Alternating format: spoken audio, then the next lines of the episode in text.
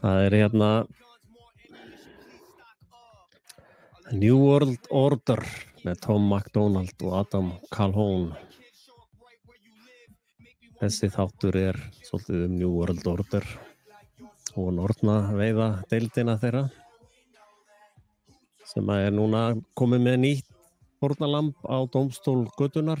Þetta skipti er, er það á gödum Breitlands.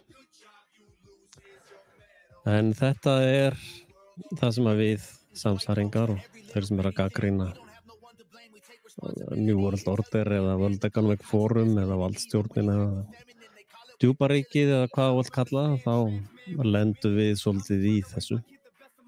Getur lendið þessu. Og hérna þetta nýjasta mál er all svakalegt og kemur ofbúrslega rættin reynda skildist mér að þessi heimildamindi eða hvað ég vilja kalla þetta um Russell Brand hafi verið fjögur ár í framleiðslu og hérna þetta er algjör vittlisa ég trú ekki orðaði sem það kettlingar har að segja. Og hérna þetta er þetta sem við kallum grúppýr þeir sem hafa verið í einhverjum fræðarbransa þekkja þekkja grúppýr bransan og hvernig bara konur umturnast í þeim bransa. Og hérna ég var nú svolítið vinsall á ákveðnum tímabölum á lífinu, var svo frægur með þessi eitthvað tíma á Ísafyrði, það voru tvær stelpur sem slóðust um mig. Og hérna það er svona upplifun. En uh, sko menn eins og Russell Brand, Brand það eru sko fleiri hundruð konur á hverju kvöldi bara í byðruð við andri hjá honum sérstaklega meðan hann var að fara í gegnum þennan fræðar feril og hérna það sem er svo skrítið er að á meðan að hann var í þessum bransa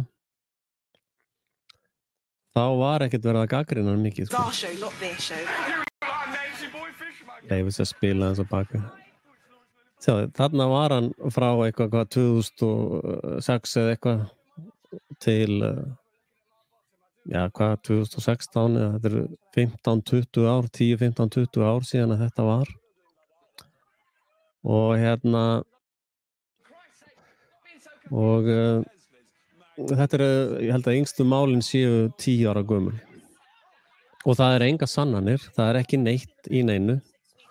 Þetta er bara eitt stórt leikrit og ég horfi nú á þennan þátt eða þessa heimildamind eða hvað sem er það sem er þessar grúppíur voru að tjá sig tjá sig innan gæsalappa því að þetta voru leikarar sem lásu upp vittnisspurðera að hluta til og, og hérna mikil dramatísering.